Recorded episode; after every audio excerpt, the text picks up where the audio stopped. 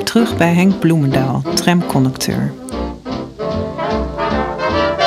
Het is augustus 1942. Er worden verschillende aanslagen gepleegd en represailles hier opgegeven. 1 augustus. Ik geloof dat de zomer eindelijk begint. Alweer een mooie dag.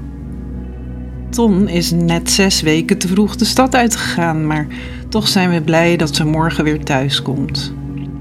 Vannacht zijn er bommen gevallen in een weiland op Hilligersberg. Vanavond een nieuwe dienst voor lijn 10 uitgekiend. Het is weer vrij onrustig, maar wat er broeit wordt niet duidelijk. 4 augustus. Ik moet pas om half vier beginnen, dus ik heb nog even de tijd. Ton is nog niet helemaal beter, ze braakt nog, maar heel ziek is ze toch niet. Karel is ook nog niet helemaal in orde. Hij heeft nog ruzie met zijn kies. Ik ben ook niet 18 karaat, heb last van diarree.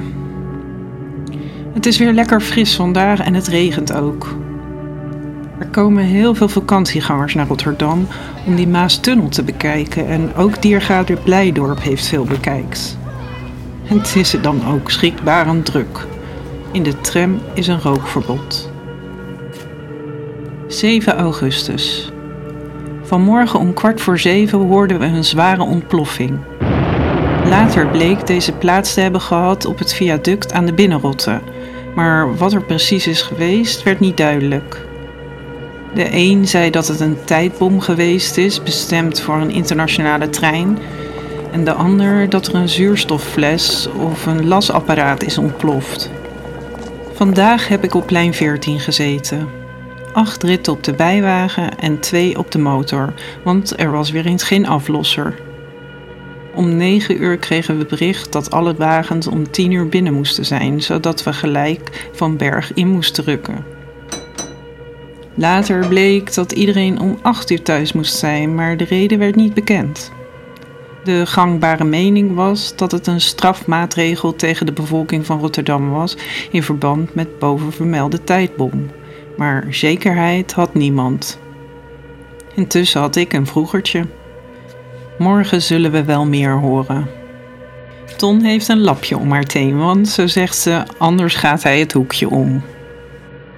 8 augustus. Door de maatregelen van gisteravond is er weer een gespannen stemming. Want het blijkt dat het alleen voor Rotterdam geldt en dat ze genomen zijn als represaille tegen een aanslag op een Duitse trein. Voorlopig moet s'avonds om 10 uur iedereen van de straat zijn. Terwijl de tram om 9 uur 21 binnen is. We hebben dus een mazzeltje. Ik was vanavond om half negen thuis in plaats van half twaalf. Dat is in twee dagen vier uurtjes binnenmikken. Ik krijg van de tram een schoenenbon, want als ik moet wachten tot ik er een van de distributie krijg, ben ik misschien al met pensioen. 9 augustus. Vandaag helemaal een makkie. Vier ritjes en klaar is Kees. Mijn aflosser brengt vanavond mijn wagen even binnen, anders had ik voor acht minuten dienst heen en weer naar Hillegersberg gemoeten, wat me meer dan anderhalf uur had gekost. Ton praat nu weer gewoon, alleen als ze s'nachts wakker wordt, kletst ze nog wel eens oud-dorps. Nog steeds kan ze de R niet goed zeggen. Karel heeft nog steeds last van zijn kiezen. Duiven mogen ook al niet meer bestaan. Sinds vorige week moeten alle duiven geslacht worden. 12 augustus. Alle mannen beneden de 50 jaar in Rotterdam moeten om beurten s'nachts gaan posten onder het viaduct van de Binnenrotte. Nu nemen ze niet alleen maar villa-bewoners, maar ook alle anderen. Sommige groepen als politie en brandweer zijn vrijgesteld, maar de tram is de sigaar. Als je echter aangewezen wordt voor zo'n wachtje, dan mag je negen uur later in dienst komen, zodat je nachtrust verzekerd is. Er is alweer sabotage gepleegd, nu op een zender. Die flauwekul kost een hoop gijzelaars het leven en het haalt niets uit. 15 augustus. Ik verrek weer van de honger. Het eten aan het eindpunt is dikwijls bar slecht. Nu is Co de groenteboer ook nog kwijt, want meneer had een grote muil en toen heeft ze hem doorgestuurd. Die vuile stinkers van winkeliers maken volop misbruik van hun machtspositie. Ze weten dat je zonder hen aan de honger overgeleverd bent en daarom behandelen ze hun klanten als een stuk vuil. Vanavond hebben Koos en Beb de 10 gulden van de fiets gebracht. Er zijn vijf gijzelaars gefusilleerd voor de aanslag in Rotterdam. 16 augustus. Het heeft de hele dag geregend, zodat het niet zo heel druk is geweest. Ze hebben vannacht weer veel gevlogen en er werd in het begin ook op geschoten, maar later niet meer. Ze vliegen de laatste tijd bijna iedere nacht.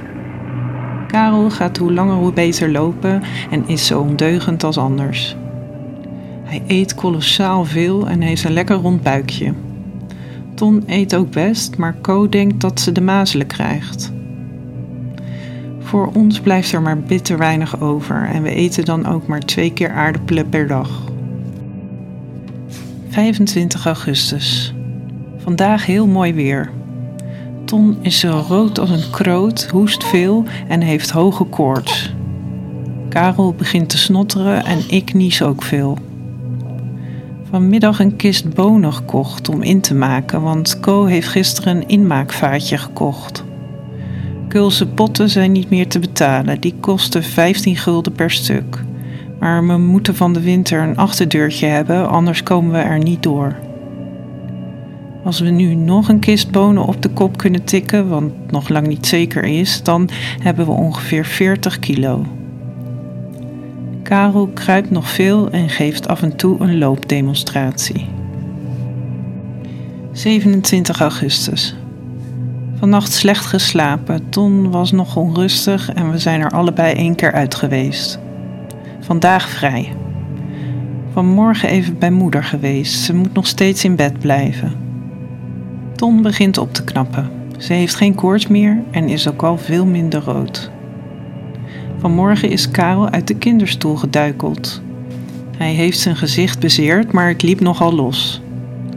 Vanmiddag is Co naar de kapper geweest en nu is ze een daalder meer waard. Het was vandaag buitengewoon heet. Ik wilde gaan zwemmen, maar kon zo gauw geen behoorlijke gelegenheid vinden. Dus ik heb maar een bad op de veranda genomen. Met de zwemgelegenheden is het op het ogenblik in Rotterdam treurig gesteld. Alles bij elkaar drie behoorlijke openluchtbaden en twee overdekte. Dan nog een paar gelegenheden in de plas die het vermelden niet waard zijn en alles is genoemd. In ieder geval te weinig. Vanavond in mijn hemdje op de veranda zitten lezen. De derde avond in deze zomer dat dat mogelijk was. Vanavond om 8 uur waren er Engelse vliegtuigen in de lucht. Er werd op geschoten en er was luchtalarm. 30 augustus. Vanmorgen was de plas afgezet, waarschijnlijk oefeningen. Vannacht is Karel ziek geworden, dezelfde verschijnselen als Ton, braken en koorts. Hij zal ook wel de mazelen hebben. Vandaag was het niet zo heet, maar vanavond is er om 8 uur een geweldige onweersbui gevallen.